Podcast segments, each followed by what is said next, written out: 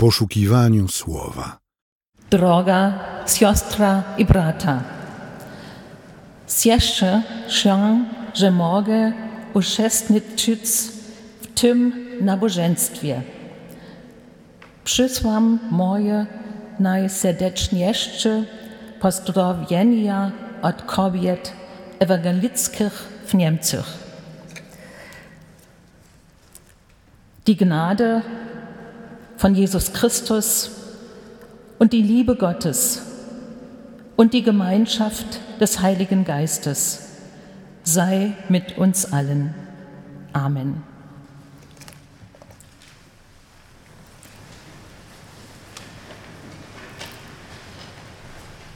Liebe Schwestern und Brüder, vor zwei Wochen wurden hier in der Trinitatiskirche neun Diakoninnen zu Pfarrerinnen ordiniert. Es war ein historisches Ereignis für die evangelische Kirche in Polen, für die Pfarrerinnen und für viele Menschen, die dafür auch gebetet haben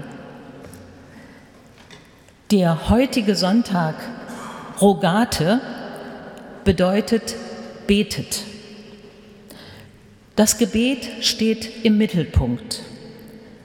Es ist Teil unseres Gottesdienstes, aber es ist für viele Christen auch Ausdruck ihres Glaubens im Alltag. Der heutige Predigtext ist ein Schlüsseltext zum Thema Gebet.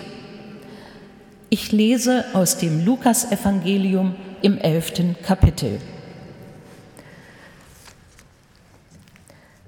Jesus sprach zu seinen Jüngern, wenn jemand unter euch einen Freund hat und um Mitternacht zu ihm geht und sagt, lieber Freund, leih mir drei Brote denn mein Freund ist zu mir gekommen auf der Reise und ich habe nichts, was ich ihm vorsetzen kann. Und der drinnen würde antworten und sprechen, mach mir keine Unruhe. Die Tür ist schon zugeschlossen und meine Kinder und ich liegen schon zu Bett. Ich kann nicht aufstehen und dir etwas geben. Ich sage euch, und wenn er schon nicht aufsteht und ihm etwas gibt, weil er sein Freund ist, dann wird er doch wegen seines unverschämten Drängens aufstehen und ihm geben, so viel er bedarf. Und ich sage euch, bittet, so wird euch gegeben, suchet, so werdet ihr finden. Klopfet an, so wird euch aufgetan. Denn der, wer da bittet, der empfängt. Und wer da sucht, der findet. Und wer da anklopft, dem wird aufgetan. Oder ist unter euch ein Vater, der seinem Sohn eine Schlange gibt, wenn er um einen Fisch bittet? oder einen Skorpion, wenn er um ein Ei bittet. Wenn nun schon ihr, die ihr böse seid, euren Kindern gebt, was gut ist, wie viel mehr wird der Vater im Himmel den Heiligen Geist denen geben, die ihn bitten.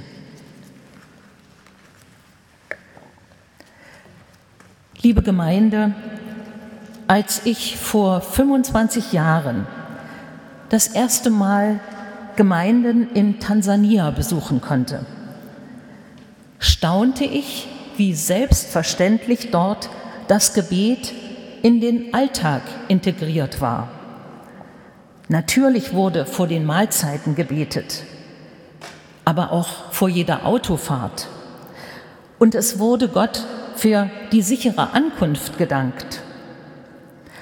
Im Gottesdienst kamen Menschen mit ihren, Alter, mit ihren Anliegen nach vorn zum Altar, damit für sie gebetet wurde. Bei uns in Deutschland ist Beten oft etwas sehr Privates oder es wird in Gottesdiensten und kirchlichen Veranstaltungen praktiziert. Und als Kind oder Jugendliche wächst man da so rein. Ich kann mich nicht erinnern, dass ich je die Frage gestellt habe, wie kann ich das Beten lernen? Jetzt wäre es interessant, wenn wir unsere Erfahrungen darüber austauschen könnten. In den Versen vor unserem Predigtext baten die Jünger Jesus, sie doch zu lehren, wie sie beten können. Jesus hat ja immer wieder gebetet. Die Jünger erlebten das mit und wollten auch so beten können wie Jesus. Sie wussten offenbar nicht so richtig, wie sie sich dabei verhalten sollen. Was sollen wir sagen oder denken? Wie geht das überhaupt? Wird unser Gebet erhört? Findet es Erfüllung? Macht es überhaupt Sinn? Jesus verzichtet im Lukasevangelium auf Erklärungen. Zuerst ermutigt er die Jünger, das Vaterunser zu beten. Und dann erzählt er ihnen zwei kleine Geschichten. Die sind wie ein Bilderbuch, ein Bilderbuch Gottes. Zunächst geht es ums Bitten und dann ums Empfangen. In der ersten Geschichte erzählt Jesus von einer unverschämten nächtlichen Ruhestörung. Ich kann mir das gut vorstellen. Ein Nachbar klopft bei Nacht an seinem, bei seinem Freund an die Tür. Er ruft laut. Er braucht Brot. Unerwartet kam Besuch. Und der ist hungrig und er hat nichts, was er ihm anbieten kann. So bittet also der Nachbar den Freund um etwas zu essen. Er bittet um drei Brote für seinen Gast. Das ist eine ganze Menge. Drei Brote sind damals eine Tagesration. Und der Nachbar nimmt mit seiner Bitte in Kauf, dass es ja schon Nacht ist und alle im Haus schlafen, auch die Kinder. Was passiert im Haus? Eine Stimme ist zu hören. Doch Jesus lässt offen, was am Ende geschieht. Geht die Tür auf?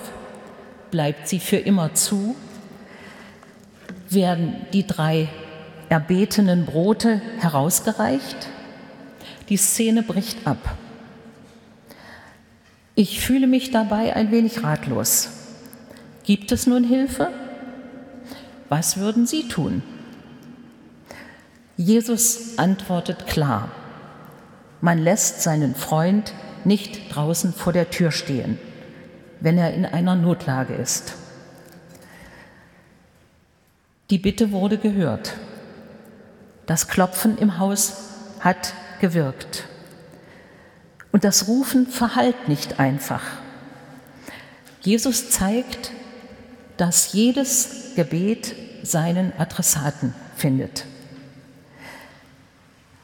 Wie der nächtliche Ruhestörer Gehör gefunden hat, so finden auch wir bei Gott Gehör.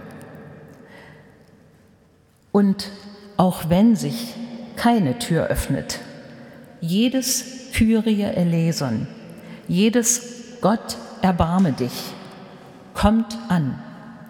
Es hat ein Gegenüber, auch das aus tiefster Seele geseufzte Gott sei Dank. Wenn der nächtliche Ruhestörer seine Bitte so drängend vorträgt, bedeutet das etwas für unser Beten. Es darf drängend sein, auch unverschämt, also ohne Scham dürfen wir im Gebet Dinge benennen. Wir dürfen uns bedürftig zeigen. Wir erwarten aber auch Antwort. Wir sind darauf angewiesen, dass wir gehört werden. Paulus sagt es im Römerbrief so. Wir wissen nicht, wie wir beten sollen, aber der Geist selbst vertritt uns mit unaussprechlichem Seufzen. In diesem unaussprechlichen Seufzen haben die Gebete der Menschen Platz.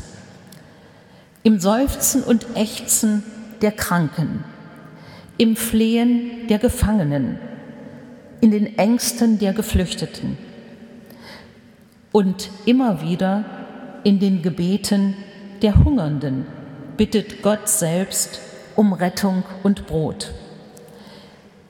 Die Bitte um das tägliche Brot klingt in vielen Regionen unserer Welt heftiger als das nächtliche Rütteln des Freundes an der Haustür.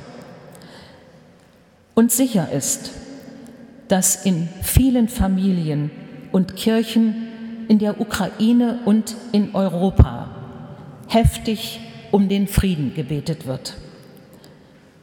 Die Worte, die an Gott gerichtet werden, dass Putin den schrecklichen Krieg endlich beenden möge, sind nicht zu überhören. Manchmal wird die eigene Stimme im Gebet auch leise. Dann wieder ist sie sehr deutlich und stark. Mal ist sie verbraucht von vielen Tränen, dann wieder fest oder wechselt in leise flehenden Ton. Immer aber hat unsere Stimme bei Gott einen Resonanzraum. Jedes Gebet erzeugt eine Resonanz bei Gott. Wir sind von den Wirkungen ungezählter Gebete umgeben, auch gerade hier in dieser Kirche, in dieser Gemeinde, dieser Stadt haben ungezählte Gebete ihr ein Zuhause. Im Alltag sind viele Gebete lebendig, nur sind sie nicht so sichtbar und hörbar wie in unseren Kirchen. Also, Gott hört jedes Gebet, aber wann und wie er es erhört, wissen wir nicht. Aber ich vertraue darauf, dass Gott die Gebete, die Seufzer, die Hilfeschreie von so vielen Kindern in den Kriegswirren und in den Zeiten danach vernommen hat. In den sommerlichen Einsätzen der evangelischen Frauen aus Deutschland im Zentrum Zdrowia Dziecka, den Begegnungen in den Gemeinden, auch hier in der Trinitatis-Gemeinde und mit Menschen aus Warschau sind Leben und Gebet miteinander verschmolzen. Ich bin fest überzeugt, das Arbeiten im Kinderkrankenhaus hat die Gebete zum Klingen gebracht. Und die Gebete halten in der Arbeit nach. So sind wir sehr dankbar, dass 40 Jahre lang Frauen aus Deutschland bereit waren, sich für einen freiwilligen Dienst im Kinderkrankenhaus rufen zu lassen.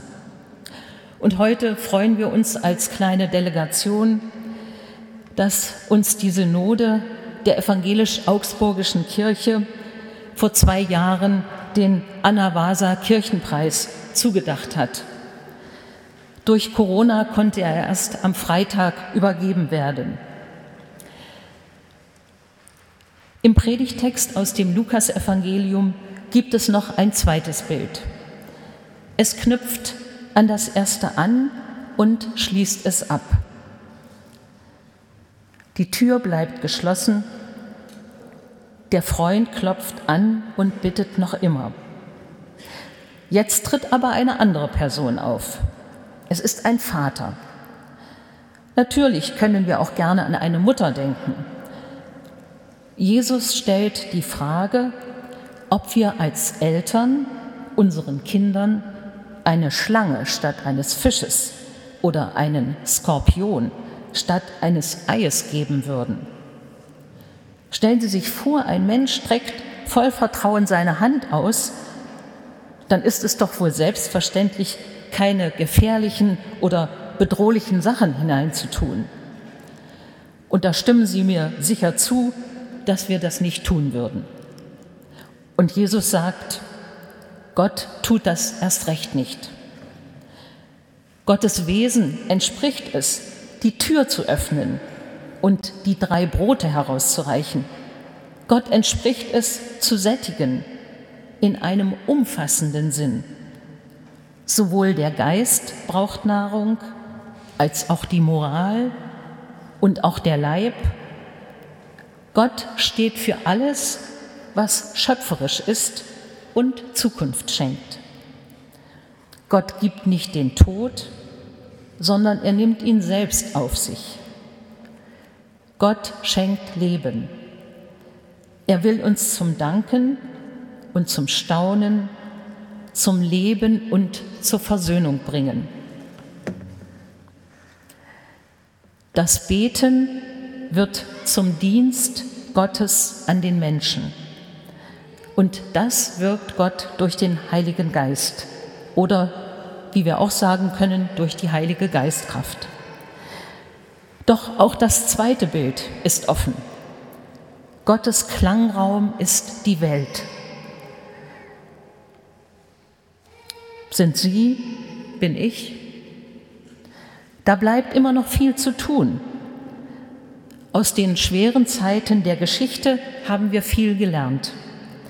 Und doch ist wieder Krieg, gibt es Bedrohung. Es werden Skorpione verteilt und Schlangen verschenkt. Die Bilder, die Jesus vor Augen stellt, vermischen sich mit einer Kriegsrhetorik, die uns allen große Sorgen macht.